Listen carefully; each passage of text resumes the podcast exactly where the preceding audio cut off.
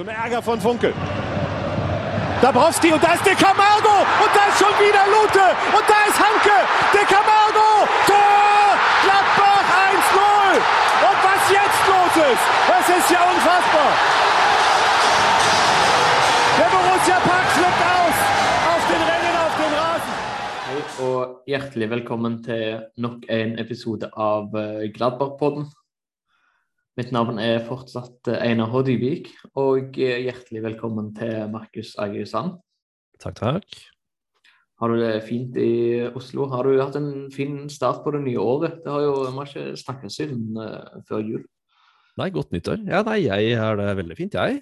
Det har vært en rolig start med mye korona og sånt, så jeg har ikke fått jobba så mye. Og så har det hatt hjemmeundervisning og tatt det rolig. Men det er jo veldig hyggelig med en uh, liten tre måneder jente i, i hus. Ja. Så jeg har uh, sett bort fra fotball, så har jeg kost meg. Det høres ut som en, uh, Bortsett fra det med fotball, og sånt, så høres det ut som en fin, fin start på nyåret. Mm. Altså det var jo, Fotballmessig var det også en veldig fin start på det nye året, men så, så gikk det fort nedover. Riktig.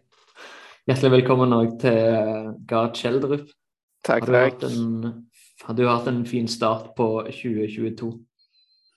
Ja, det har vært eh, helt greit. Eh, blitt kasta litt ut i det på jobb, for det har jo vært masse vær og masse storm, og det påvirker jobben min når jeg jobber for Hurtigruten. Um, men eh, det er jo gøy å være med på da. Så det, det går fint. Men jeg er enig med Markus at du, må liksom trekke fra fotballaspektet for at skal se positivt ut. Mhm. ja. Enn deg, da? Hvordan går det? Nei, litt det samme som eh, dere. Rolig start med jobb og litt sånn halv eh, korona nedstengt her i, her i Tyskland. Jeg var hjemme i Norge nå over jul og nyttår og sånn. Men eh, ja, ellers har det ikke skjedd så veldig mye eh, spektakulært siden det. det durer og går, men eh,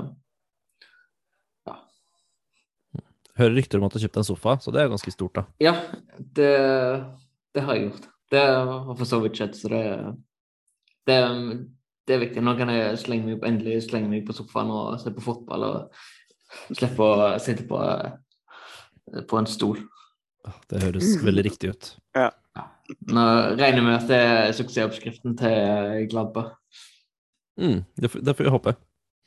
Apropos eh, Gladbach, så eh, må vi dessverre snakke litt om de òg. For de har jo eh, satt begge beina godt i nedrykksstriden. Tapte 2-1 mot Union Berlin nå i helga. Og ligger på en eh, 14.-plass i øyeblikket. Nei, 12.-plass ligger vi på. 12.-plass, unnskyld. Mm. Det høres mye bedre ut enn det egentlig er. Ja, ja, gjør, gjør det. Men altså, det er en, li, det er en liten topoengs luke opp til Bochum, eh, så det, det sier vel alt. Så fem poeng opp til Mainz, men ja. Vi kan jo begynne med kampen mot uh, Union Berlin, som i og for seg ikke var så veldig dårlig fra eh, Gladbach, men likevel så ble det 2-1. Og hvorfor ble det sånn, Markus? For å starte med starten, jeg, jeg syns jo at vi spilte veldig veldig mye bedre enn mot Hannover i cupen i midtuka. Og at det var også en positiv trend, og at ting så veldig lyse ut. Riktignok så var det nok en teit straffe. Fire straffer på tre kamper mot oss nå, som dessverre at Sommer ikke redda. Han har jo redda ganske mye straffer i det siste. Men så får vi utligning rett før pause, og har egentlig ganske god kontroll i andre omgang. Og så kommer det en sånn teit feil. Jeg tror det er Patrick Herman som driter seg litt ut. Mm. Eh, og så blir det en, eh, en kontring og mål imot. Så de, de kampene, de, de siste kampene, de ti siste kampene har vært ganske dritt, egentlig. Og vi har tapt over, overlegent, holdt på å si. Vi har tapt skikkelig. Eh, Men nå følte jeg vi var litt tilbake til vi spiller greit, men slipper inn et tullete mål helt på slutten av kampen og mister et resultat. Og det gikk veldig fort fra at vi kjempet om poeng, til at vi kjempet om uavgjort de siste syv-åtte minuttene. det, ja, det, vi var ikke dårlige i den kampen her. Og det var det, sånn spillemessig så så det ut som vi nærmer oss 2-1 òg. Og eh, det hadde ikke vært ufortjent, det. Så eh, å sitte igjen med tap etter det, det er Ja, det er frustrerende. Og ja, jeg blir så oppgitt av det òg, fordi at eh, når vi ikke her heller har marginene på vår side, hvordan skal det gå da? Det er veldig sånn typisk for lag i motgang å ha sånn hvor du egentlig spiller ganske bra og egentlig har nok muligheter til å vinne kampen. Men så skjer det sånn Får du tullete straffespark mot deg, og så får du, skjer det en eller annen feil, og så taper du kampen likevel. Og det er også, for så vidt òg veldig typisk Union Berlin, syns jeg, at de, de er ikke et fintspillende lag på noen måte. Det er jo et lag som veldig solid defensivt og veldig effektive offensivt. Og så har de jo krydra det med Max Kruse, da. Så det fungerer jo veldig godt, og de ligger jo fortjent på eh, Champions League-plass i øyeblikket. Ja, men det må, det må, jo sies at vi lå vel da også på tolvteplass, eller ellevteplass, før starten, og Union på femte, så vi møtte jo motstand som i hvert fall i årets tabell er ganske mye høyere. Men, men vi, vi, skulle hatt i hvert fall ett poeng i den kampen her, altså. Ja, men det viser jo bare hvor nyttig det er å ha en som kan skåre uansett hvordan laget ellers gjør det. For det er jo det vi mangler, egentlig. En garantist. Det er jo veldig stusslig helt på topp, syns jeg egentlig. Jeg syns Embolo gjør veldig mye i oppbygningen og sånn, men han er ikke veldig målfarlig sjøl. Og Turam og Plea er jo helt, eh, de er helt ute av det. Det er spørsmålet hvor målene skal komme fra. Jonas Hoffmann med positivt eh, kom positivt tilbakekomst etter skade. Han syns jeg gjorde mye for laget. At, uh, jeg tror at han er en stor grunn til at vi spilte bedre denne kampen her enn vi har gjort på en god stund. Og så er jo Kristoff Kramer også på vei tilbake fra en skade nå, så det er jo det er lov å håpe. Ja, han blir veldig godt å få tilbake igjen. En så jo det òg nå eh, rett ja, de siste kampene før han ble syk, at han eh, Det kom liksom en ny sånn drive inn i laget men de kan få kampene han spilte. da. Han var jo skada i høst, og så kom han inn i laget, og så ble han syk nå. Ja, men det var umiddelbart påvirkning. Gladbach likevel uh, havna i, uh, i nedrykksstriden. Til tross for at vi slo uh, Bayern München i uh, starten, av, starten, av, året, og så var det tap mot Leverkosen. Og så var det denne nedturen mot Hannover, og så var det jo nå denne dette bitre tapet mot Union Berlin. Men hva er grunnen til at Gladbach er der de er, da? Er det, vi snakket jo litt om det før jul. men jeg tror det er mye av det vi snakket om før jul, altså. At Plea og Turam er Altså, de virker ikke som de er, er til stede. Og at vi Ja, vi mangler det innsje. Med, med, da Med Kramer, for eksempel, og Hoffmann, da som vi har snakket om. Nå var jo også Stindl ute av spill. Har dere fått med dere hvor lenge han skal være ute? For jeg så at det var sånn god bedring, kaptein-opplegg på Twitter og sånt. Jeg fikk inntrykk av at det var en stund, i alle fall. Jeg husker og jeg, jeg skal ikke si noe sikkert, men jeg um... Jeg tror det er snakk om en måned og to, i hvert fall. liksom. Ja, nei, det er, eh, det er også trist. Men han har jo ikke spilt sånn dritbra uh, i det siste, må sies. Men jeg syns det er positivt, uh, det vi ser av Neuhaus for tiden. Det virker som at han har skjerpa seg litt. Ja, det har vært litt, litt, bedre. Det er noen positive ting også, vi må si. Vi, kan, vi skal sikkert snakke litt mer om Hanoffer-kampen etterpå, men at vi liksom siden uh, i høst har tatt syv poeng mot Bayern, vunnet to og én uavgjort, det er jo helt ellevilt. Og at Jan Sommer reddet to straffer i én kamp, også helt ellevilt. Ja, det er jo helt Stakkars Jan Sommer som redder to straffer i én kamp, og så taper de likevel. Han må jo være, liksom, må jo være forbanna på resten av laget som ikke klarer, som ikke klarer å holde eh, forsvare seg bedre. Tape 1-2 hjemme og komme på rundeslag i kicker. Det er ikke alle som gjør det. Nei. Og han fikk jo òg best score i eh, Altså, han fikk karakter én av lokalaviser og sånn, og det mm. skulle bare mangle. Ja, hvordan ville det sett ut uten han? Ja, vi har tatt fire poeng de siste ni kampene. Hvordan hadde det vært uten sommer? Tipper at det ikke hadde vært noen av dem, for det Ja. Han har jo vært Gladbergs desidert beste spiller nå de siste ukene, syns jeg. Ja, i hele sesongen. Nei, men tilbake til spørsmålet, da. Så er det så er det Turam Polea som er et stort problem, som du nevnte, at vi ikke har noen som scorer mål uansett. Og så er det generell lav innsats av hele laget, at det virker liksom demotiverte. Og som vi snakket om, Mathias Ginter og Den Zekaria som skal bort, og ja, Noya som ikke får spille, har vært et problem. Nå har vi i alle fall fått avklart at de skal bort, da. For nå har det vært surr fram og tilbake. Eller i hvert fall vært uavklart veldig lenge. All, all sånn avklaring, selv om det er positiv eller negativ uh, forstand, så er det avklaring alltid bra. Det er det. Jeg er, jeg er enig i det. Og så syns jeg òg det er ingen av de to har levert sånn kjempebra denne sesongen, men jeg syns òg det blir for enkelt å bare skylde på de for at laget presterer så dårlig. For det virker liksom som nesten hele laget, med unntak av noen få spillere, er helt ute av det og virker som de eh, ikke henger helt med, og at det er et eller annet som skurrer, da. Mm. At det er liksom veldig mange som drar i forskjellige retninger, eller ikke drar i det hele tatt. Og jeg vet ikke om det er noe dårlig stemning i garderoben, eller uh, Det er i hvert fall et eller annet som ikke stemmer da, i, med atmosfæren i laget, syns jeg. Det var jo vel òg eh, inntrykket mange satt igjen med etter den eh, cupkampen mot Hannover òg, at en ikke hadde inntrykk av at noen ville. at det var ikke noe vilje der. Den fikk jeg dessverre ikke sett. Jeg bare fikk oppdateringer sånn regelmessig, og det var så vondt. Kanskje heldigvis at du ikke fikk sett den. Det var ikke, Ja. det var ikke så mye å eh, se på. Nei.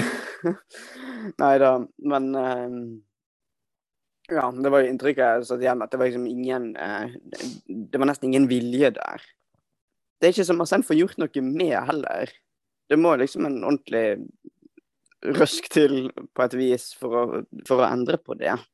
det er, sånn Motivasjon og vilje er jo noe som siver inn i alt du gjør, nesten. Og hvis den ikke er til stede, så er det begrensa hvor mye du får gjort bare med eh, kvalitet og ferdigheter alene. Jeg lurer òg litt på eh, hva Hytter egentlig Hva planen hans er med formasjon og spilt mye, prøvd mye med tre bak. Som kan gi litt mer mening nå når de har fått inn Marvin Friedrich. Men før det så er det jo helt rart å spille med tre bak når du har liksom Ginter Elvedi som de eneste to stopperne som er noenlunde skadefrie. Og Elvedi var jo skada òg en god stund nå i høst, så det var helt sånn Helt sånn merkelig uh, formasjon òg, veldig sånn som ikke passer til laget. Sånn Gladbach sin tropp er mye bygd opp på å liksom spille gjennom midtbanen og komme seg fram der, da, mens, en, uh, mens det Hutta gjorde i Frankfurt, f.eks. Det var jo å komme gjennom på kantene med Kostic og uh, veldig Og så hadde du sånn løpende motorer på midtbanen som Sebastian Råde, som sprang rundt og vant baller, og så Men ingen som var den veldig gode ballspillere, da. Og at han på en måte Han spiller ikke på styrkene i laget, syns jeg. Sånn som det ser ut nå, i hvert fall. Det kan hende at han har en Han har sikkert en plan bak der som bare ikke fungerer, men Ja, det funka optimalt mot Bayern, da. Da spilte han i 3-4-2-1-formasjon, og det, det gikk jo dritbra. Det samme i cupen mot Bayern. Så ja, så det er liksom vanskelig å si. Og så uansett hvilken formasjon man spiller, så skal man ha en, eller ha glad bak en spiss på toppen. eh, I, ofte i playa, og han klarer ikke å skåre uansett, på en måte, så det er, det er ikke bare formasjonen. Nei. Altså, jeg er enig, men jeg er veldig nysgjerrig på hva, hva Hytte prøver å få til. Eh, og han sa jo til og med på pressekonferanse at kanskje vi må prøve noe nytt, og så gjorde han akkurat det samme som før. Det blir litt for enkelt å skylde bare på det òg. Ja. Nei, men det er jo veldig mye som henger sammen med han. Men jeg syns det er fascinerende hvor bra vi har gjort det mot Bayern. Og så at det ikke henger sammen ellers, nesten. Uh, så jeg blir jo mer og mer tilhenger for den tweeten som kom, at uh, vi må bare få gjort det sånn at vi spiller mot, Glad nei, mot Bayern hver helg, og så får så tar vi en for laget for hele ligaen, og så får de andre bare gjøre opp seg imellom. Mm. Da, ja. Da blir det sånn 50-50 til oss og Bayern. Kanskje litt mer til deg, men um, Men for å nevne den Bayern-kampen som var nå i begynnelsen av januar, så var det Det var jo et veldig eh, covid-ramma Bayern som likevel var uheldige at de ikke fikk med seg poeng. De hadde jo skudd i stolpen, og Sommer hadde flere feberredninger, og det var liksom Gladbach imponerte ikke, selv om de spilte mot liksom C-laget til, til Bayern. Men de gjorde ikke det. Altså Lewandowski, Gnabry, Müller, uh, Musiala, Sabitzer, Syle, Pavar, Kimmich Altså, det, det er jo ikke C-laget. De de hadde inne tre spillere som ikke vanligvis ville starta, og det uh, Og Gladbach hadde også sykdom. Måtte spille uten Zakaria og uh, Hvem var det som var sjuka? Det var, det var flere som var sjuke i Gladbach òg. Ja, jeg vet ikke, Benzobaini var i, med Algerie i Afrikamesterskapet. Jeg vet ikke det han skulle, men så var han sjuk istedenfor. Ja, Benzebaini spilte alle kampene for Algerie. Ah, ja, OK. Ja. Mm. Men vi, vi hadde i hvert fall tre spillere som var ute, Ja. som var mer viktige egentlig enn en, en Bayern sine. Ja, jeg, jeg er enig at det er En skal ikke ta fra oss den seieren, på en måte, ved å si at det var et eh, svekka Bayern, men sånn spillemessig så var det jo en god porsjon flaks inni der. Ja, men det, det er det ofte mot Bayern. Og selvfølgelig, de setter på en 16-åring. Det, Men så var det deilig òg at Bayern kunne oppleve å ha litt motgang, da. For de eh, er jo veldig flinke til å sutre så fort det ikke går deres vei alltid. Det er litt stang ut for dem innimellom òg. Det har de fortjent. Sånn Ja. på generell basis, for de får så mye for seg. Er, altså, de får så mange fordeler, opplever resten av ligaen ofte. Ja, Det er like gøy å slå det uansett, liksom. Det er ikke... Ja. Jeg har null, null medlidenhet. Nei, det er ikke jeg heller. Det var ikke, ikke misforstå meg på det. Neida, neida. Men uh, vi kan jo ta med et, eh, et spørsmål fra Marius Våge, som uh, spør om uh, Gladbach kommer til å bli med Hamburg, Schalke og Werder Bremen ned i andre Bundesliga neste sesong. jeg tror ikke det. Jeg tror nok at eh, Gladbach klarer å holde seg oppe. Det er flere lag som gjør det svakt i år. Dette er en veldig merkelig sesong. Sånn som alle covid-sesongene vært, egentlig. Men eh, det er, det er mange lag som har gjort det mye dårligere enn de har pleid, da. Store lag. Jeg vet ikke eh, hva grunnlaget mitt er. På en sånn derre Sucker eh, Power Index-side, som jeg sjekker innimellom, så gir de Gladbach 4 sjanse for å rykke ned. Ja. Det er ikke så mye. Nei. Den høyeste plassering, eller 14% sjanse, er det høyeste vi har, og det er 11. plass. Mener de, da. Men eh, det, altså, det er bare statistikk. Så Ja. det, det er som, som du sa, Gard, det er en covid-sesong. Alt kan skje. Ja. Men jeg tror ikke de kommer til å rykke ned, nei. Nei. Jeg er enig med deg. Og jeg mener det særlig med Grøter Furt, som ligger helt, ned i, helt nederst og virker veldig fortapt, selv om de har begynt å plukke litt poeng nå. da. Og så har du liksom Arminia Bielefeld og Stuttgart som gjør det svakt, og har uh, Augsburg nedi der. Ja, Wolf, Wolfsburg også. Ja, Wolfsburg som også er sånn enda mer krise enn oss. Der har du liksom Der har du nok av lag som som egentlig bør være bak oss på tabellen, og jeg tror vi, jeg tror vi kommer til å plukke liksom nok poeng til at vi ikke rykker ned. Mm, Mm. det tror jeg òg. Ja, nei, vi, vi burde jo slå Fyrt, Stuttgart og Bielefeld, i hvert fall. Og da bør det gå bra. ja. Men det viser jo også at når vi ikke har trua, så går det plutselig på et eller annet merkelig vis. Og når vi håper på et eller annet, så bare kødder de det til. Sånn Ja. grovt sett. Sånn, for jeg trodde jo ikke at vi kom til å klare oss mot Bayern i cupen. Det gikk jo over all forventning. Og så hadde jeg jo håp om at oi, kanskje går det i år. Og så bare nei. Nei, ikke sjans.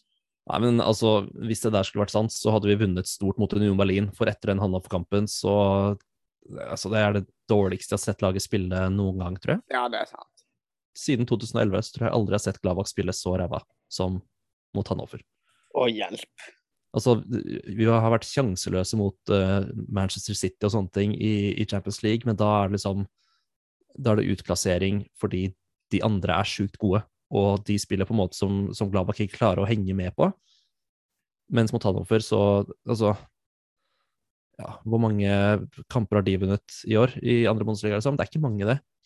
Nei, de ligger vel på tolvteplass nå, tror jeg. De hadde skåret eh, 15 mål på, eh, på 19 kamper før den eh, kampen. Ja, ikke sant. Og ja, man skal ikke tape 3-0 mot de. Det, var bare så fælt å se på at jeg Ja, nei. Eh, vi vil ikke snakke om det. Nei, nei, vi dropper det. Vi må jo snakke om det. Det er jo det som, derfor vi har den podkasten her. Men um, ja, noe gøy er det ikke. Nei, Nei, nei. det- Nei, det er liksom Jeg syns egentlig det verste jeg har sett av Gladbach denne sesongen, og verste jeg har sett av de så lenge jeg kan huske å følge med på det, nesten, for det var så tafatt og lite initiativ og intensitet og Det var liksom helt blått. Virka som det bare var en eller annen sånn søndagskamp hvor de spiller litt for å ha det gøy etter å ha vært på fylla på dagen. Det var liksom, det var Mm. helt, eh, det var helt krise. Og det, det er liksom i, med i bakhodet da at vi har tapt eh, 6-1 mot uh, Freiburg og 4-1 mot Køllen osv. 6-0 mot Freiburg. 6-0 var det. Mm. Ja, altså, det, det virker som liksom, fine kamper i forhold. Det sier jo alt. Det var sånn toppen av kransekaka. Både du og jeg, Einar, skulle se den kampen og skrudd på Viaplay, og det viser seg at de ikke har rett etter den kampen. Må liksom gå og finne sånne dårlige nederlandske streams. Ah, Og så får du liksom se så dårlig kamp i så dårlig kvalitet på nederlandsk. Ja, det er, det er nedtur, ass. Åh. Æsj. Og det er så bittert, fordi nå er det jo det er så mange andre store kanoner som er ute. Vi slo ut Bayern sjøl. Dortmund røyk ut eh, dagen før vi røyk ut. Leverkosen er ute. Eneste som er igjen, er liksom Leipzig, hvis en skal anerkjenne dem som en stor klubb. Ja, men de er en klubb som er, er gode. Ja. Og så er det Union, da. Ja, jo og Freiburg òg er der. Som. Ikke sant? Nei, for det var jo Åh, jeg hadde Jeg kan tilgi så masse hvis vi fortsatt er med i cupen og at vi har en sjanse der. Og hvis vi skal vinne noe noen gang, så virker det som det cupen er best sjanse. Og så vinner vi 5-0 mot Bayern, og så ryker vi i en sånn elendig kamp like etterpå. Mm. Og det er Åh, jeg, jeg blir, jeg, åh, jeg blir så lei meg. Jeg blir så oppgitt. Jeg blir så frustrert, for jeg skjønner ikke hvordan det noen gang skal liksom klaffe, egentlig. For Det er bare sporadisk at det gjør det, nesten. Altså Det nærmeste vi har kommet, var vel semifinale mot Frankfurt for noen år siden. Mm. Men bortsett fra det, så tror jeg vi har røket veldig, eller relativt tidlig òg. Og, og her òg. Vi hadde jo hatt fantastiske sjanser. Det alt blir jo sånn uh, Hette, hette Faradkutter, som det sier på tysk. Altså, det blir jo bare konjunktiv. Det blir bare ønsketenkning. Det skjer jo ikke. Men tenk hvis vi hadde gått videre fra den Hannover-kampen. Ja, så vi hadde hatt en så stor sjanse, men Ja, det er helt vilt. vi, altså, vi fortjener jo ikke å ha noen sjanse i cupen når Hannover slår oss 3-0. Nei.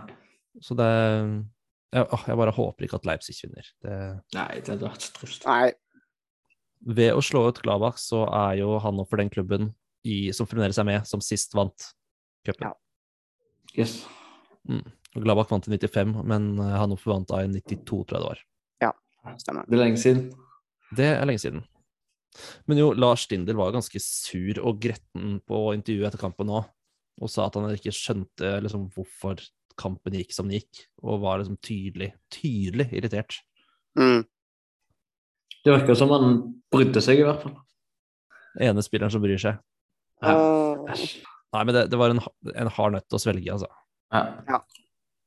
Og så er det sånn Tidligere så hadde man liksom røyket mot Leverkosen Leverkusen og Dortmund og sånn ganske gode lag, da. Men når du ryker liksom mot Hannover, med, med all respekt, altså det Det skal ikke skje. Det er nesten som å ryke på straffekonk mot Bielefeltet. Ja. Ja, det er på samme nivå. ass.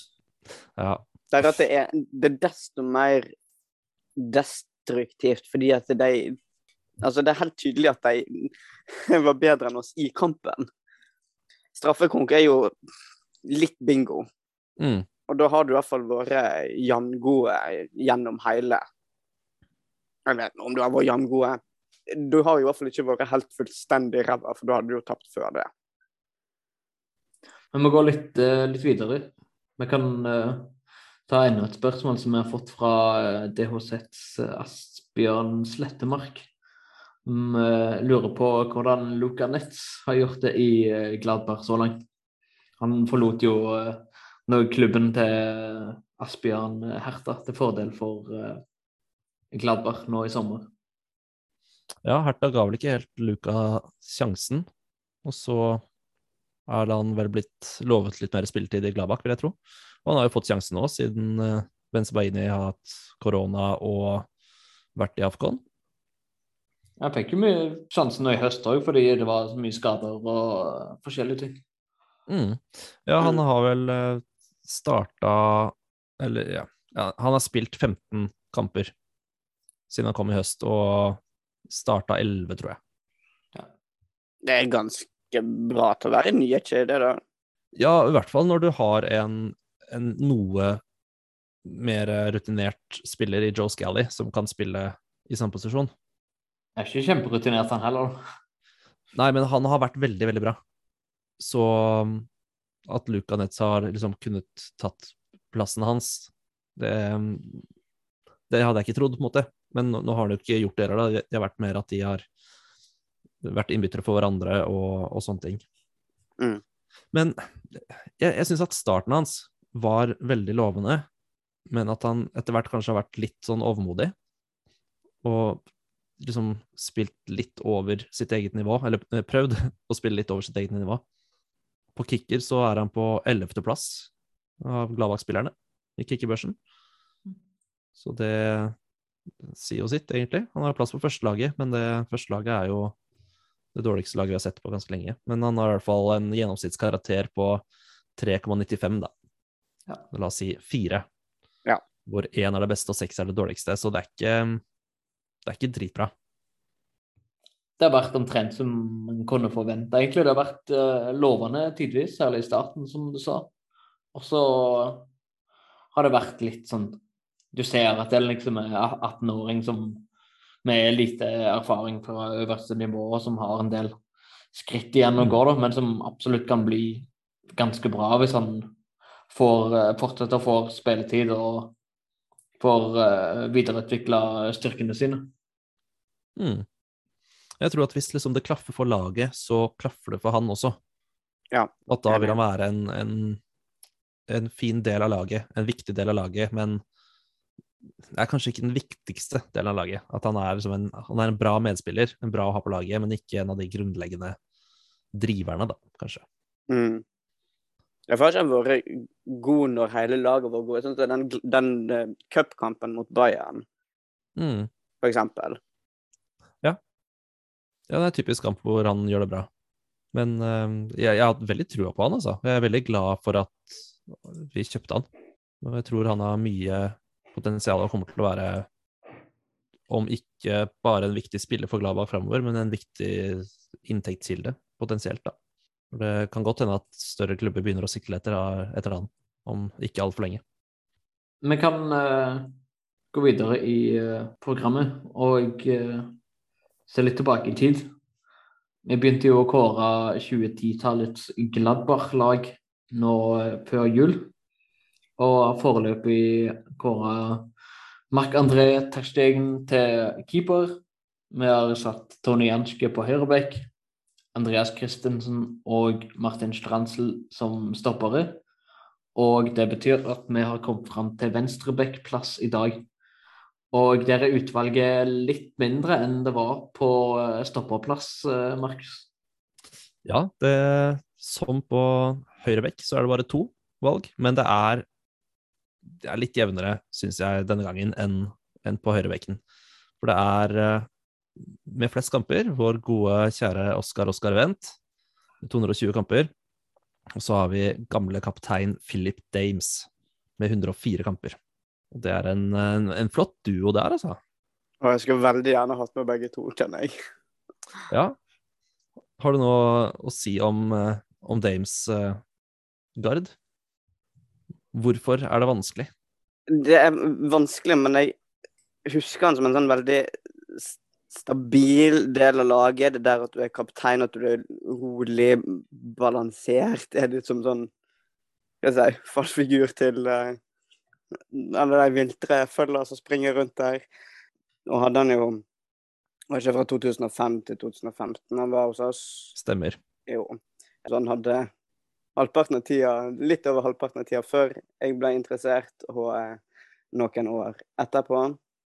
Men det er noe med alle de som var i laget da jeg ble interessert i Gladborg, begynte å følge med. De har litt sånn Jeg husker alle som sånn gode, stabile. De her vil jeg ha med videre.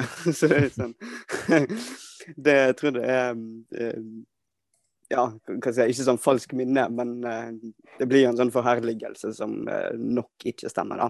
Mm. Men uh, absolutt en som fortjente kapteinspinnet, og som ja, var en stabil og god venstreback å ha der. Men som sagt, halvparten av tida var jo da etter 2010. Så det er jo egentlig bare den siste halvdelen som teller med i det regnestykket vårt. da. Ja, og så det tok vel bare to sesonger, tror jeg, før eh, Oscar Wendt kom inn og begynte å konkurrere om plassen. Men da var jo også Dames 32 år. Så han, eh, han er jo en gammel mann, på en måte. Han er 78-modell. Belger. Så Men jeg også tenker på han med veldig sånn gode minner. En sånn skikkelig kjemper han liksom løper den ekstra kilometeren. Og ja, jeg ser for meg at han, eller husker han som en fyr som har de taklingene som vi kaller Tony Janske-taklinger i dag. ja. At det kunne like gjerne vært Philip Dames-taklinger. Så ja, nei, gode minner av han, altså. Var ikke det han du hadde på drakta di òg da du kjøpte drakt? Nei, men Nei, det Jeg og en kamerat spilte uh, Fifa og kameraten kunne ikke Fifa, så han klarte ikke å bytte spillere. Så det var, det var fra en corner eller noe sånt. Vi spilte på lag med Gladbach, hvor han ikke klarte å bytte bort fra, uh, fra Dames da, i en uh, cornersituasjon til motlaget. Så sentrer han opp til meg, og jeg spurter oppover på banen og sender et innlegg. Og hvem header ballen inn i mål? Jo da, det er Dames som har liksom spurta opp fra cornerflagget til boksen for å heade inn. Så det var bare at det ble en morsom greie mellom oss to. Og da vi var på kamp i Gladbach, så ville han veldig gjerne ha en Dames-drakt. Men dette var jo da sju år etter Dames var borte fra klubben. Det var det ikke. Fem år. Og så fikk vi ikke det til, da, dessverre. Æsj. Så jeg, jeg har Stinder på min drakt, og han endte opp med Janske. Ja. ja, men det er gode eh, navn å ha på drakta uansett. Ja da. Gøy, da. Ja da. Eh, de små tingene. Ja. Fin historie. Mm. Men dere nevnte det kanskje, men Dames var vel kaptein òg i et par sesonger? Det stemmer. Ja, vi, vi, sa det. Han tok vel over for Martin Strandsel som kaptein. Han var vel visekaptein under Strandsel også, og tok over. Men ga ikke de seg samtidig i klubben? Gjorde de det? For Strandsel gikk vel Strandsel gikk, gikk, vel til og med etterpå en sesong senere enn Kanskje det var omvendt, da? Jeg lurer på om det kanskje kan ha vært omvendt. At det var Stranzer som tok over for eh, Ja, nemlig. Ja. For jeg lurer på om Dames var kaptein da jeg begynte å følge med. Men det, det går faktisk i, i surr. Men uh, det, hvis han har vært kaptein, så må det ha vært først Strandsel. Men uh, altså med vår uh, lovprisning av Strandsel som kaptein, som resulterte i at han kom med på årets, tiårets lag, så sier jo det litt om Dames, hvis han var det, egentlig det trygge valget foran, foran Strandsel. Nei, Strandsel, ja, han ble pensjonert faktisk senere enn Dames. Du har helt rett, Einar. Så det var kjære svenske, da. Oskar Wendt. Om, uh, om, den utlendingen med flest kamper for uh, klubben. Sprang opp og ned uh, venstre side og litt surrete av og til, men veldig, veldig solid og veldig sjelden spektakulært. Men han har fått ganske mye PS, syns jeg. Ufortjent mye. Men um, Jeg har alltid likt Oscar, altså. Ja. ja, for det er noen som virker som det liksom har alltid har gjort han som til syndebukk når det har gått dårlig for Gladbach. Men det synes jeg er litt, er litt strengt. Det er klart han har hatt noen rare involveringer og sånn. Det, det, er ikke til å stikke under en stol, det. Og han hadde Hadde han vært litt bedre, så hadde han nok spilt for en Hadde han ikke spilt så lenge i Gladbach. Men han passet veldig fint inn i klubben og en som assosierer veldig med, med 2010-tallet, som liksom var med på denne reisen fra Han kom jo litt etter uh, den playoffen mot Borum, men kom i 20-tallet og liksom var med helt derfra og fram til, fram til nå, i, nå, i, sommer. Han kom faktisk i uh, 2011, så ja, det ble ti hele år. Ja, nettopp. Mm, før 11-12-sesongen, så han uh, Og spilte jo hver eneste kamp omtrent. Han var jo aldri skada. Han fikk aldri rødt kort. Så han spilte, han spilte når, han, når han kunne, liksom. Ja, så skårte han 16 mål og hadde 18 assist, så han var jo ikke noe dårlig der heller, til å være forsvarer. Men en, eh, en som er likevel eh, litt annerledes type enn eh, Dames, da. Som, mens Dames er kaptein og litt sånn går inn i eh, noen susende taklinger som, eh, som Tony Janske gjør. Så Oscar Wendt kanskje litt mer finspillende og ikke så Kanskje ikke så mye den som går fram, i, fram som kaptein, som Ikke den som står og brøler høyest, da. selv om han likevel fikk en tydelig status i garderoben etter hvert. Han ble jo visekaptein òg eh, et par sesonger, men likevel en annen type på banen. da. Ja, ja, jeg føler at liksom han er en fyr som de andre spillerne stolte på. Selv om han ikke liksom gjorde så mye ut av seg, så visste de at hvis jeg trenger Oscar, så er han der. på en måte. At han var en, en stor trygghet for mange. Ja. Men ikke, som du sier, ikke den mest uttalte. I hvert fall ikke på banene. Nei, det var veldig godt oppsummert, egentlig. Men han har vi jo hatt en egen spalte om òg, så det er jo Forhåpentligvis så kjenner våre lyttere til Oscar Wendt. Hvis de ikke gjør det, så bør de ta seg sammen.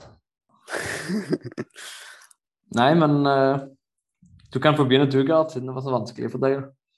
Ja, det, jeg syns det var sinnssykt vanskelig. For jeg syns jo, selv om det er to veldig forskjellige spillere, så syns jeg det er veldig jevnt. Liksom, hvem, hvem ville jeg helst hatt på laget mitt, da? Men nå har vi jo allerede satt sammen en ganske hardtslående gjeng. og eh, vi har allerede Strendsel som en sånn kapteinstype. Og i og med at vi har hatt Oscar Wendt liksom gjennom hele eh, det tiåret, mer eller mindre, tror jeg nesten jeg lander på Oscar Wendt der. Det er òg da i kombinasjon med hvem har vi valgt ut tidligere. Og det, jeg vil jo heller ikke ha for mange kapteinstyper på laget heller.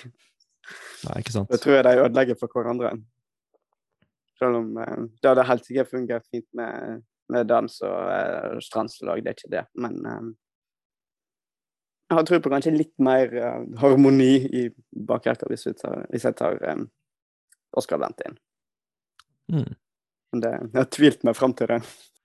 Er du enig med Gard? Jeg har også belaget meg litt på hvordan laget ser ut allerede. For vi har jo både Janski og Stranzer som, som, er av den gamle skolen, og også Terstegen og Christensen som ikke spiller på laget lenger. Så er, jeg er liksom redd for å gå i den nostalgifella. Eh, men jeg, jeg syns også at Vent passer bedre inn i dette laget som vi har satt opp foreløpig, enn en Dames. Og jeg er såpass glad i Oscar Wendt at for meg så har det ikke vært den vanskeligste avgjørelsen. Jeg har veldig gode minner fra Dames, men han var ganske treig allerede i 2011-2012, da jeg begynte å se. Mm. Eh, og han, ja, en tydelig fyr og en bra fyr og en kriger, men, men det blir nok vent for meg òg, altså. Rett og slett. Nei, jeg uh, har ikke noen annen mening, jeg heller. Jeg uh, eh, syns det er vanskelig å ha et uh, Gladbach-lag fra 2010-tallet uten Oscar Bent. Og uh, jeg er jo litt farga av at jeg først begynte å følge med sånn i 2015 ca., når Dems forsvant. Så jeg husker veldig lite av han. Nemlig. Men eh, jeg har òg et inntrykk av at James Ja, som du var inne på, Markus, at han var litt på vei nedover i eh, på den under 2010-tallet, når han spilte for Gladbach, da, at han var vel så god for de sånn 2008-2009, rundt der. Men eh, ja, jeg syns det, det går ikke an å utelukke Oskar Wendt fra et uh, 2010-lag for uh, Gladbach. Det er liksom Han er på en måte Han er nesten den ene spilleren som som representerer det laget mer enn noen andre, da. Ja, han er litt sånn mister 2010-tallet, rett og slett. Er det sant. Det er ikke mange mange som spilte så mange sesonger som han på 2010-tallet. Nei. Det er som Herman og Janske. Ja. Det er Og, de, og de har jo spilt I alle fall Janske har jo spilt mindre, for han har jo ikke starta hver eneste kamp. sant? Mm. Så eh, det er jo det òg Vent har gjort, at han har jo vært i startoppstillinga nesten konstant. Ja, altså ja, Vent har starta flere ganger som høyrebekk enn Janske som eh, Nei, venstrebekk enn Janske som høyrebekk. Det skal ikke så mye til, da. Janske Ja. har ikke spilt så mange som, som bekk. Men også òg i den store sammenhengen, det der med at han òg er nå den utenlandsen med flest kamper for klubben. Mm. Ja, det, det sier seg litt sjøl at det blir rart å utelukke han fra et sånt lag. Han har vel til og med flere kamper for klubben enn selveste Gunther Netzer. Ja, ikke sant. Ja, I hvert fall, eh, i hvert fall i alle turneringer. Og flere kamper i sin posisjon enn Herman som eh, høyre midtbane også. Så der har vi det. Da blir det Oskar Wendt som uh, venstreback. Ville du si noe mer om Oskar Wendt, uh, Gard? Nei, jeg vil bare si det er artig at det her er andre gang at vi er enstemmige. Mm. Eh, for vi var enstemmige på testegen, og så ja. Men av, av, tre ganger hvor det har vært to, to valg, så har vi vært enstemmige. Så det, mm, det blir nok verre når vi skal for eh, defensiv midtbane, f.eks. Ja, uff. Og velge mellom Nordtveit, Kramer, Sjakar, Strobel, Marx, Zakaria og Neusdatter. Mm. Uh. Det blir litt mer å velge blant. Det gjør det, altså. Ja. det var gøy. Men uh, vi lar 2010 laget ligge for denne gang. Og så kommer vi tilbake til det neste episode. Vi kan uh, ta enda et spørsmål. Vi har fått inn et par uh, spørsmål foran denne episoden.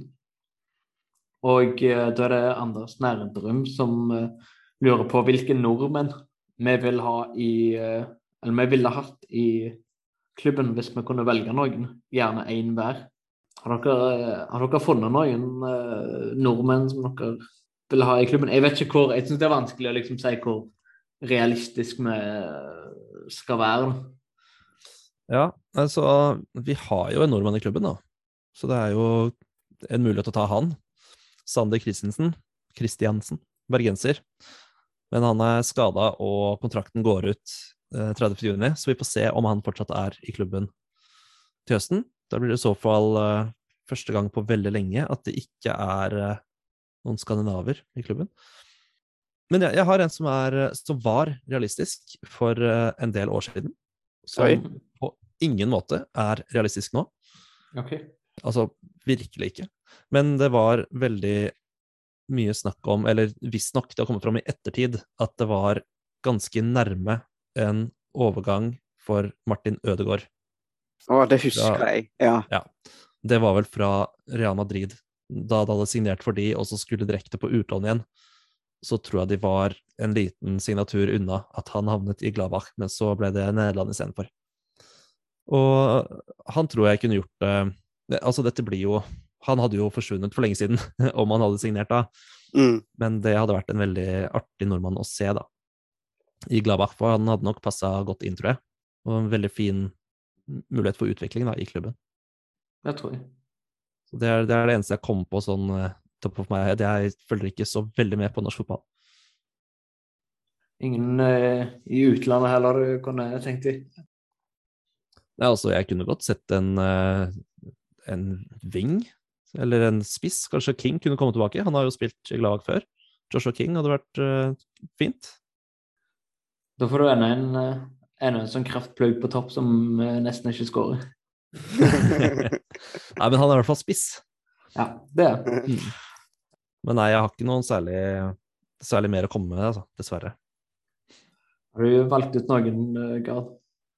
Jeg har jo en som jeg har tenkt på i eh, over et år at herregud, han må jo Gladbar hente.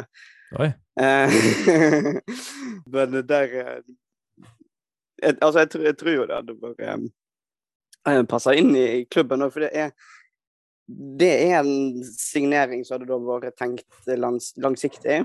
For det er en som er født i 2004, så han er 17 nå, blir 18 i år. Eh, Er det din navnebror? Yes, det er min navnebror Andreas Skjelderup i Nord-Sjælland, er det vel han er?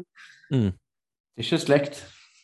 Ikke slekt. Ikke slekt. Ikke som jeg veit, men eh, For det er jo veldig mange som har samme enternavn og skrev det på samme måte uten, eh, uten at det er slekt av den grunn.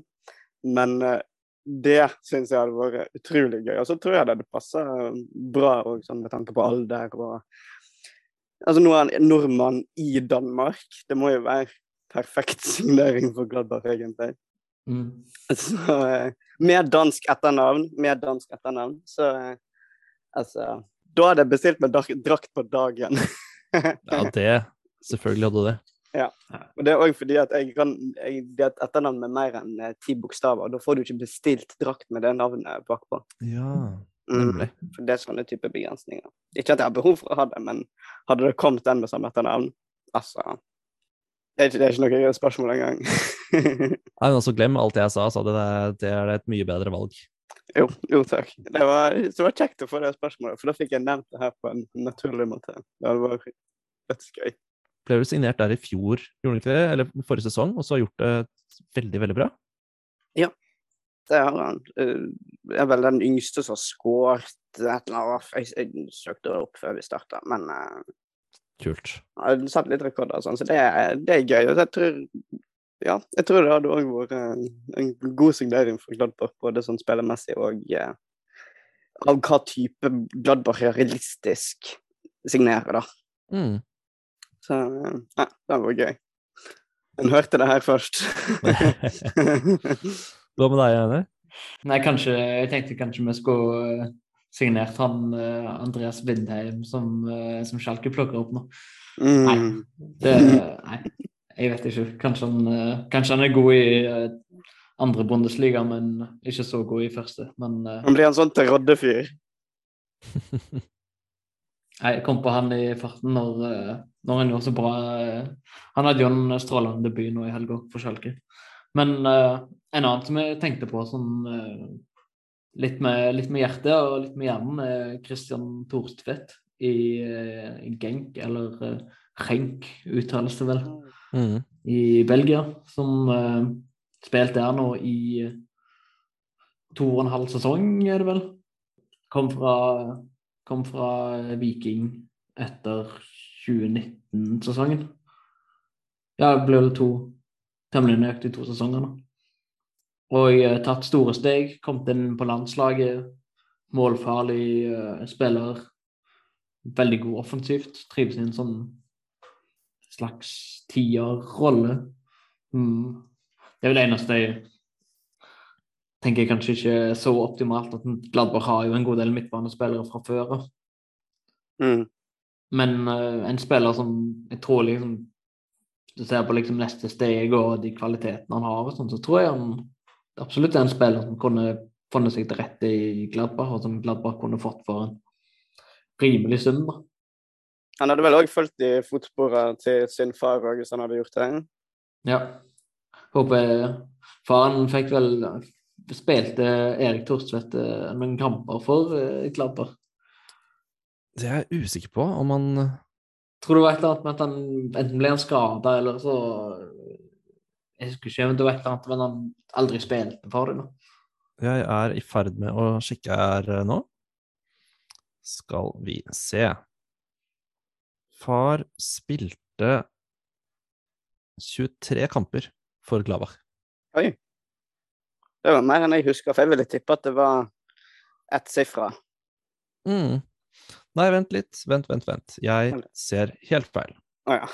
Han har sluppet inn 23 mål og spilt 12 kamper. Oi.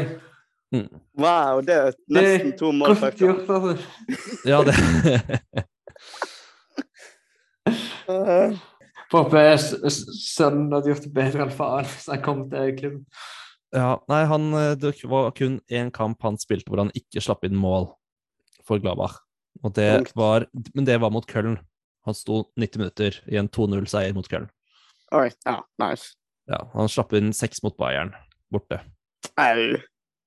Men ja, han fikk, eh, fikk i hvert fall tolv kamper, da. Men eh, det hadde vært en fin signering, det òg, altså. Ja.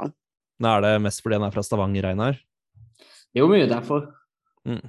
Det er det. Hadde jo vært gøy med en eh, gammel vikingspiller i, i Gladbach. Men, Nei, eh, jeg skulle sagt noen Oslo- Oslo-gutter. King er vel kanskje fra Oslo, han? Han er det. Han er vel Vålerenga-produkt sånn. Dro jo ganske tidlig til United. og sånn. Ja. Nei, men morsomt. Det, det, det må jo komme noen norske spillere etter hvert. Ja. Nå, verden håper jeg da er, eller Europa har åpnet øynene litt for unge norske talenter, virker det som. Mm. Det er jo sjelden det har vært flere utenlandsproffer fra Norge nå. Ja, for en sånn så liksom legges merke til, liksom faktisk gjør det bra, da. Eh, Mm. I alle fall på mer offensiv side. Det har jo vært mye sånn forsvarsspillere, sånn midtbane og sånn, men eh, eh, ja. Haaland selvfølgelig i spissen, men så utrolig gøy med den eh, Vindheim-debuten òg for Schalke nå. Ja, ja, kjempemorsomt. Fytti rakkeren. Veldig, veldig gøy. Vi får håpe at uh, Schalke kommer seg opp igjen, og så får uh, nordmennene tape på Borussia Park. Ja. Ja, for Du har jo fått noen av disse Glimt-gutta rundt omkring i Patrick Berg er jo i Lance i Frankrike, men så har du liksom Lode i Schalke og Bjørkan og i Herta og sånn. Du har jo fått noen av de Hauge i Frankfurt. mm. Det er jo ikke Det ville jo ikke vært veldig overraskende om enten en av de eller noen andre fra Norge plutselig ble plukket opp av, eh, av Gladbart. Mm. Jeg håper i hvert fall at det blir en eh, om ikke en nordmann, så en danske eh, snart. Sånn at iallfall én skandinav i laget. For det, det er vel første gang nå på ganske mange år at det ikke er noen. Få sende en mail til uh, Max Erbel og så si fra. For uh, dette går ikke. Nei. Vi har fått en, eh, fått en god del spørsmål. Vi har òg fått en eh, spørsmål om uh, assistenttrener eh, Frank Gaidek fra fast reservepodcaster Bjørnar Morønning. Men eh, vi tenker å ta den litt seinere, så vi får gjort eh, litt mer research og når det er litt mer avklart rundt eh, situasjonen hans. Så har vi òg fått inn et spørsmål om eh, hvem som er Gladbachs beste spiller gjennom tidene, og Hannes Wolff. Hannes Wolff. Det er- kommer til å bli en egen, eh, en egen spalte om eh, en eller annen gang. Og så blir det nok òg en egen spalte altså med den, eh, den eh, dårligste signeringen som, eh, som Max Eberl har gjort. Så eh, da, kan du, da kan du få lov å foreslå Hannes Wolff, Markus. Markus. Skjønner. Han ble lånt ut til Swansea nå, så får håpe han får eh, litt mer uh, selvtillit og eh, erfaring. Ja, det får vi virkelig håpe, altså. Han, han, jo, han har jo vist glimt av noe som kan tas vare på, men eh, ja, det er fint å slippe å liksom måtte tenke på han resten av sesongen, da. Ja. Syns jeg. For det er best for, best for alle akkurat nå at han blir lånt ut. Mm. Men vi har jo fått inn en, en ny spiller, da. Ja, Marvin Friedrich. Er det tre eller fire straffer han har lagd på, på tre kamper? Er det ikke to, bare, bare Ja, to? er det bare to på de tre Ja, kampene? Bare to. Og så var det ett eh, det ett baklengsmål, eller ett eh, Han hadde vel en, en pasning som leda liksom, til baklengsmål, tror jeg. Ja, ikke sant. Så nei, ja, nei. Ja, hvordan Hard start. Ja, veldig. Men, men jeg tror han er et godt kjøp, og det er jo ganske tydelig at han er et kjøp som Hytter selv har valgt. Mm. Og han er jo en, en god forsvarsspiller. Og han, han kom jo rett inn samme uke som han ble overført. Eh, som kanskje passer litt bedre inn i systemet, som du sa i stad, Einar. Og med litt selvtillit, og når han kjenner laget litt bedre, kanskje gjør det litt bedre også.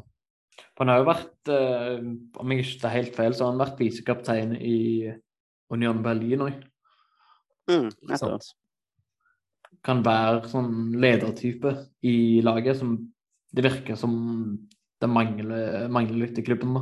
Og som jeg syns er veldig Det er ikke som en veldig fornuftig erstatter for uh, Mathias Ginter på sikt, egentlig. Jeg var nesten litt sånn overraska over at han dro fra Union, for det virker som han eh, trivdes så godt, gjorde det bra der. Han var jo òg delaktig i at de rykka opp, for han skårte ett av de to målene i den ene kampen. Ja, overraska, men det er veldig kjekt. Og så jeg håper jo at det klaffer både for vår del og for hans del. Ja, jeg får håpe på litt mer tur for han enn eh, han har hatt så langt. Ja. Vært litt, vært litt uheldig. Men det er klart, det kan ikke være Det kommer jo an på hvor godt du takler eh, overganger og hvor fort du kommer inn i ting, men eh, du blir jo kasta rett i kamp nesten med en gang du er kommet. Det er Ja, det må jo være krevende. Skulle komme inn og spille overta direkte for han du skal erstatte med helt nye lagkamerater, helt ny taktikk, og det, altså, det kan jo ikke være lett. Stakkars mann. Og ja, i et lag som går en sånn nedovergående ond djevelspiral Ja, nei, jeg har trua på at det kommer til å bli bedre for han, altså. Jeg tror det kan bli bra. Og så er det òg en sånn signering som jeg, som jeg var inne på i forrige episode.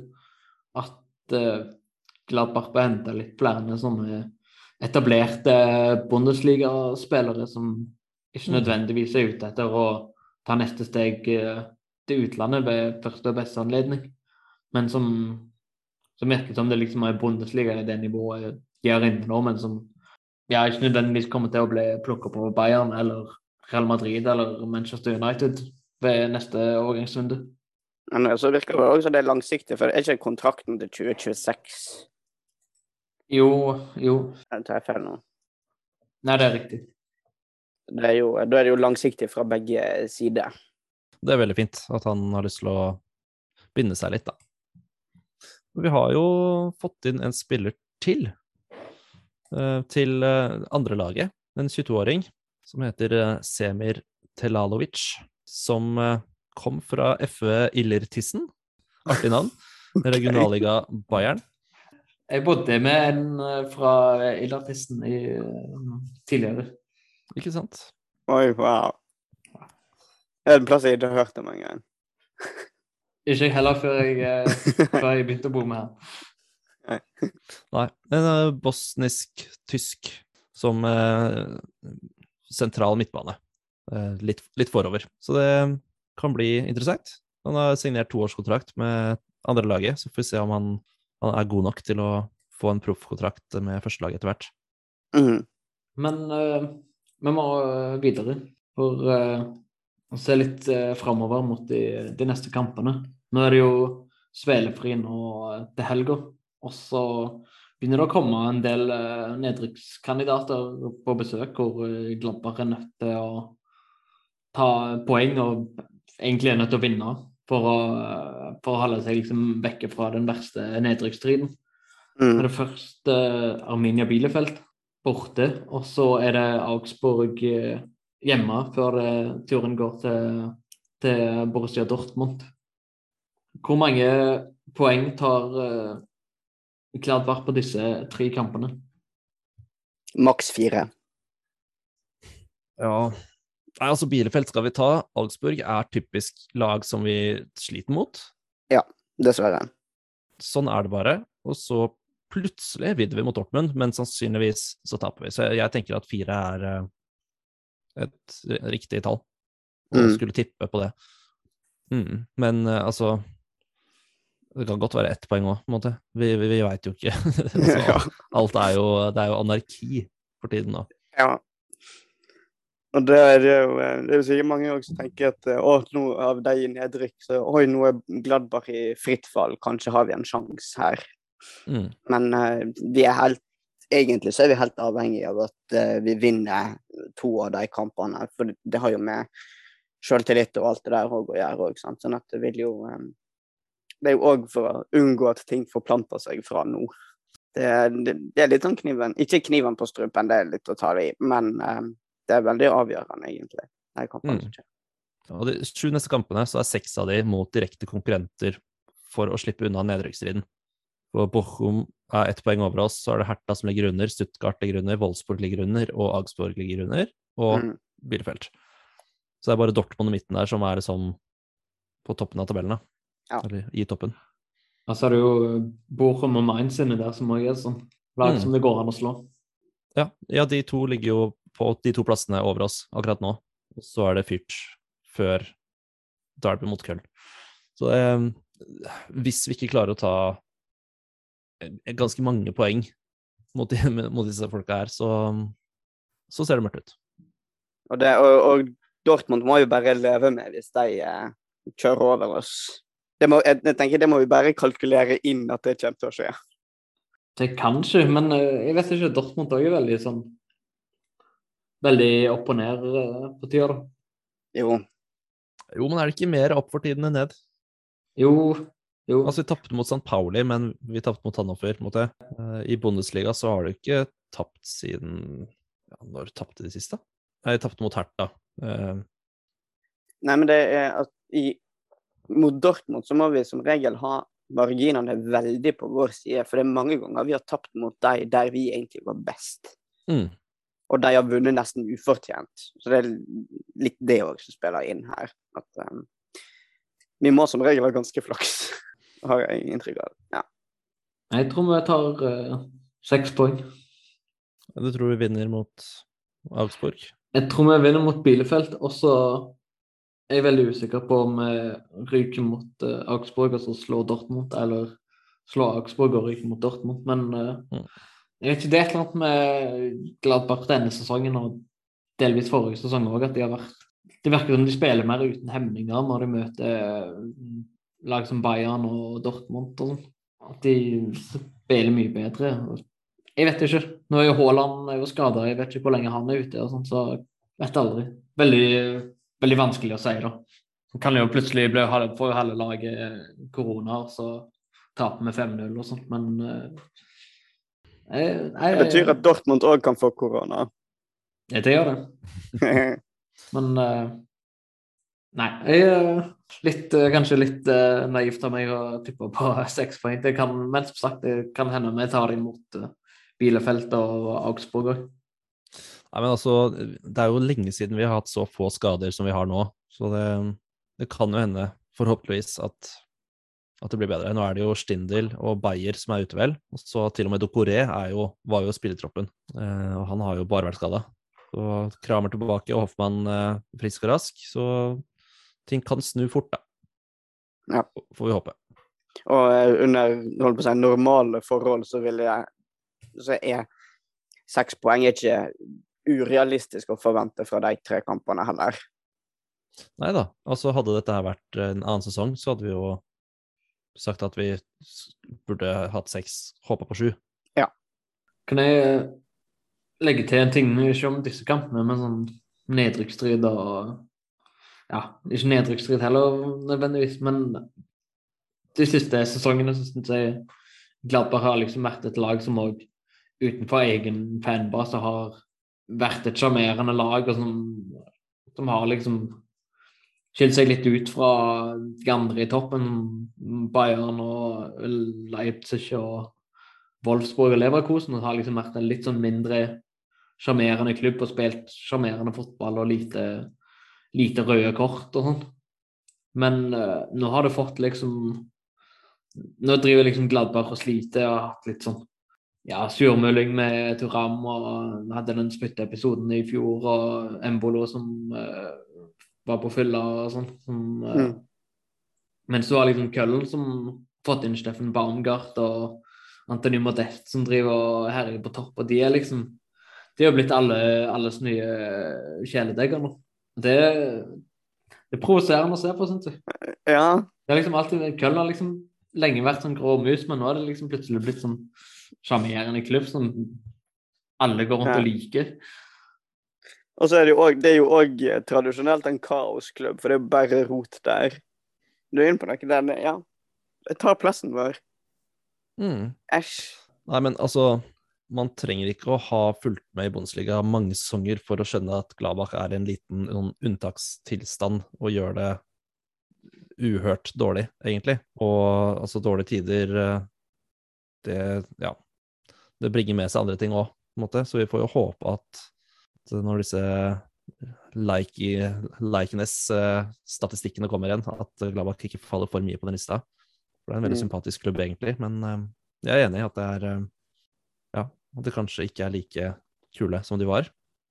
Når det, hvis det her fortsetter i et par år, så er det jo plutselig ikke unntakstilstand lenger. Da er det jo en holdt på å si permanent endring. Ikke nødvendigvis det, men da skal det mer til for å snu det rundt. Men altså, Gladbar har jo hatt eh, De har hatt perioder under Dida Hacking og sånn hvor det Det var ikke så dårlig som det var nå, men det var liksom litt treigt og litt eh, litt ingenmannsland og sånn. Hadde vel Jeg tror det var tre niendeplasser på rad der. Eller i hvert fall to. Skal vi kalle det en dag? Og håper på bedre timer. Tider. Ja, for det, det trengs. Mm. Vi må nesten gratulere Manu Kone med sitt første Bundesliga-mål, da. Som Ja. på tross av tap var en perle. En nydelig plassert mål. Han var veldig god i den kampen òg. Mm. Ja, absolutt. Han har vært en av de, de bedre. Han har hatt noen skikkelig kjipe, dårlige kamper òg, men han har vært uh, en bra signering hittil, syns jeg. Yes. Men uh, for, uh, takk for nå, Markus. Jo, takk i like måte. Får vi håpe at uh, ting er litt, uh, litt bedre neste gang vi tar opp. Litt lystigere. Ja. Takk til deg òg, Gard. Jo, takk sjøl. Takk skal du ha. Vi er Gladbach-podden. Takk for at uh, du hører på oss, og på gjenhør. Hallo. Tschüss. Manuel Neuer, der Gegenspieler. Fritz gibt den Ball frei. Rami Benzebaini. Ein, zwei, drei Schritte. Benzebaini. Tor, Tor, Tor, Tor, Tor, Tor, Tor. 2-1. 2-1 Gladbach.